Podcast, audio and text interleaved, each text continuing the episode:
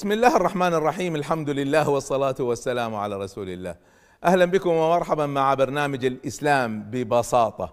وأتمنى الذين ما رأوا الحلقة الأولى يرجعوا ويشوفوها لأن الحلقة الأولى فيها الفرشة العامة لهذا البرنامج.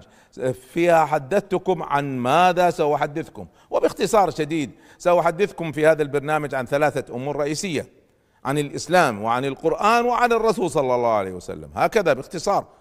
ما هو الإسلام ببساطة. إذا فهمنا هذه الثلاثة سنفهم الإسلام. فما هو الإسلام؟ وهل أهداف الإسلام هي نفس أهداف الشريعة؟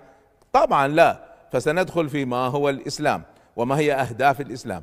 ثم سننتقل إلى ما هو القرآن وما هو موضوعه وأبوابه وفصوله.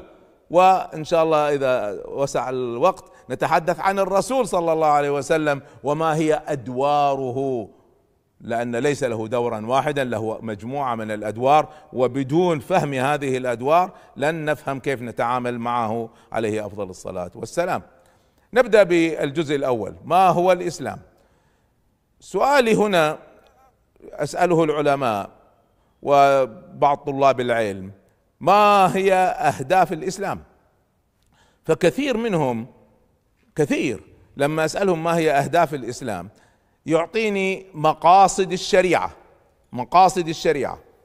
لا طبعا يا سادتي الكرام مقاصد الإسلام هي ليست مقاصد الشريعة. فالشريعة هي جزء من الإسلام. وإذا حققنا كل مقاصد الشريعة نكون حققنا جزءا من الإسلام. ما حققنا كل الإسلام. فإذا مقاصد الشريعة كلها هي جزء من الإسلام. فما هي أهداف الإسلام اللي هي مقاصد مقاصد الشريعة. ما هي؟ حتى نفهم هذه المعادلة لابد أن نفهم أن الإسلام نختصره بثلاثة أشياء. الإسلام هو إيمان وأخلاق وشريعة. إيمان وأخلاق وأحكام. فإذا فهمنا هذه الجوانب الثلاثة وفهمنا مقاصد هذه الجوانب الثلاثة وكل واحدة من الثلاثة لها مقاصد. فمجموع المقاصد تعطينا مقاصد الإسلام. وبعدين طبعا في تلك الحالة نستطيع أن نلخصها. إذا خلوني أشرح لكم أنا إيش قاعد أسوي. عادة لما يشرح الإسلام الإسلام يشرح بالعكس يشرح من تحت إلى فوق. فنبدأ بالأحكام ونبدأ بحلال وحرام وهذا يجوز وهذا ما يجوز وهذا أخلاق زيدة وهذا أخلاق سيئة. بس ما في الصورة الشاملة. أنا اللي قاعد أحاول ابنيه إني سأبدأ من الوسط لن أبدأ من تحت. سأبدأ من الوسط وأبني الصورة الشاملة وبعدين نرجع لتحت. خلينا نبدأ من الوسط. مرة ثانية ما هو الإسلام؟ ثلاثة أشياء إيمان وأخلاق وشريعة. وخلينا نبدأ بالشريعة. لأن لما نسأل العلماء وطلاب العلم ما هو الإسلام يحدثوني عن مقاصد الشريعة. فمن المهم جدا أن الجمهور الكريم يشاركني في فهم هذه المسألة. وطبعا يعني ممكن تطرح طرح أكاديمي علمي. هذا البرنامج هو ليس للنخبة هو ليس للمختصين هو ليس للعلماء وإنما هو للجمهور العام. بما فيهم طبعا طلاب العلم الذين يريدوا أن يروا منهجيات أخرى في الطرح. أنا اللي قاعد أسويه هنا إني أنا قاعد أستعمل منهجيات في علم الإلقاء وعلم التدريب وعلم الإدارة والتخطيط في شرح ما هو الإسلام. فأنا بشكل غير مباشر قاعد أستعمل هذه الأدوات. ولذلك أتمنى حتى طلاب العلم أن يتابعوا هذا البرنامج لأنهم سيسمعوا منهجية جديدة في فهم الإسلام هي ليست أفكار جديدة. هي ليست آراء غريبة. أنا لا لا أفعل هذا. وإنما هي منهجية عرض جديدة فقط طريقة عرض جديدة. نبدأ بالشريعة. الشريعة هي الأحكام. اذا الإسلام ثلاث أشياء إيمان وأخلاق وأحكام. الأحكام هذه نسميها الشريعة. هذا اسم آخر للأحكام. الشريعة ما هي أهدافها. وطبعا عندما نفهم أهداف الشريعة سنفهم كثير من الأجزاء التفصيلية. دعونا نبدأ بها وقد تأخذ معنا أكثر من يعني حلقة حتى. الشريعة الإسلامية لها ثلاثة جوانب.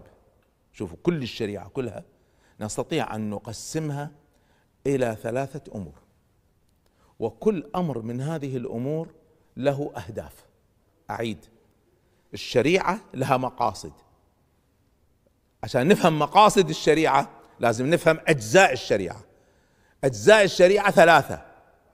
كثير من الناس حتى العلماء لما نسأله ما هي أهداف الإسلام يعطيني مقاصد الشريعة. وأكثرهم تعرفوا شيء؟ يعملوا إيش؟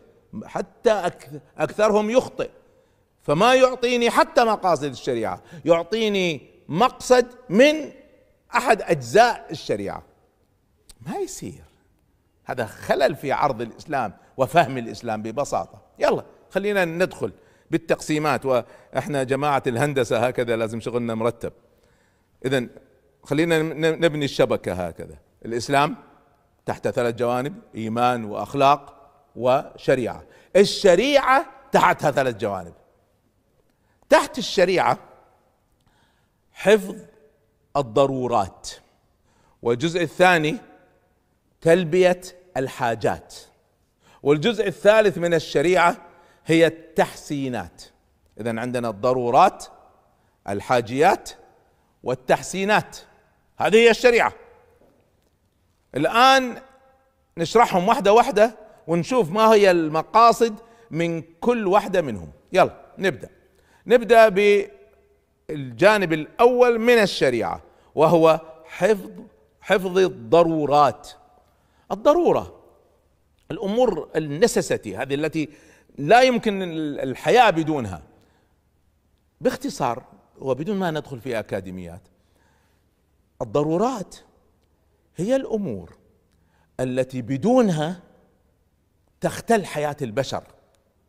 تختل حياة البشر.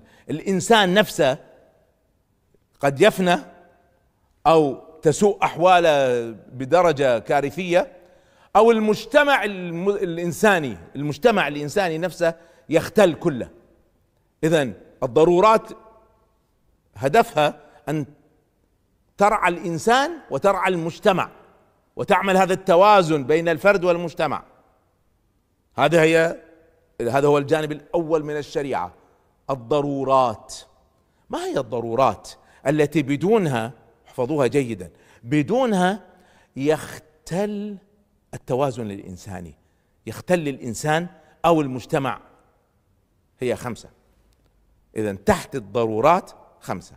فنعيد نرسم الشبكة مرة أخرى. الإسلام تحت إيمان وأخلاق وشريعة الشريعة تحت ضرورات وحاجيات وتحسينات. الضرورات تحتها خمسة. هذه الخمسة أشرحهم باختصار الآن ثم في حلقات قادمة نبدأ ندخل في تفاصيلهم. ما هي الضرورات الرئيسية التي يجب الحفاظ عليها؟ حفظ الضرورات المحافظة عليها. اولا حفظ الدين. حفظ الدين طبعا الدين والعلاقة بالله سبحانه وتعالى. بدونها يختل الإنسان. وسنرجع إلى تفصيل هذه المسألة.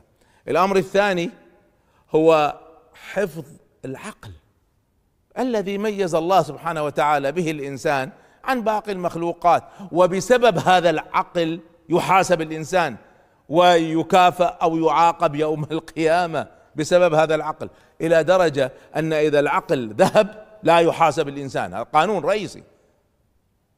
إذا العقل هذا غير موجود لا يحاسب الإنسان إلا إذا الإنسان تعمد أن يكون غير موجود يعني رفع القلم عن ثلاث عن النائم حتى يستيقظ لأن ما هو مسيطر على عقله والصغير حتى يبلغ لأن عقله حتى الآن لم يرشد والمجنون حتى يفيق اللي هو فقد عقله بالجنون بأسباب آه، نفسية غيرها فهذا إلى أن يرجع إلى حالته السوية لا يحاسب. وطبعا هذه فيها تفصيل شوية يعني لأن هل الأمراض النفسية تدخل ولا ما تدخل؟ هذا ممكن نشير إليها لما نصل إلى هذه المسألة.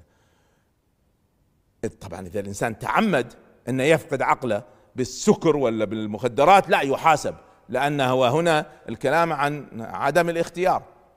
واحفظوا هذا القانون. إذا ارتفع الاختيار ارتفع الحساب. إذا انسان غير مختار ما عنده اختيار مكره.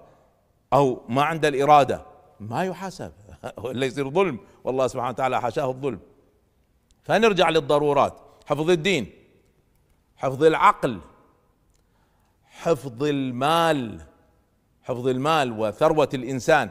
هذه ضرورة. بدونها يختل المجتمع الإنساني. وحفظ النفس. الجسد هذا المحافظة عليه. وحفظ الأسرة. وقال بعض العلماء حفظ النسل.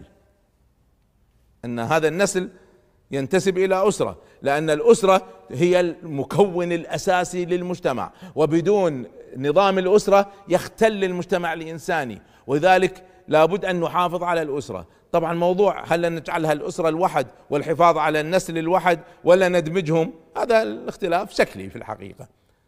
محافظة على الأسرة وعلى انتساب النسل لأسرة والأسرة هي المكون الأساسي للمجتمع وليس الفرد الأسرة.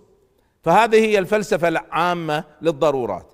الآن كل واحدة من هذه الأمور لها تفصيل وكل واحدة لها أحكام. تفصيل الضرورات وأحكام التي تنبني عليها ومن خلالها نفهم الصورة الشاملة للإسلام. ستكون حديثنا في اللقاء القادم إن شاء الله من الإسلام ببساطة. تابعونا حفظكم الله. السلام عليكم ورحمة الله. Música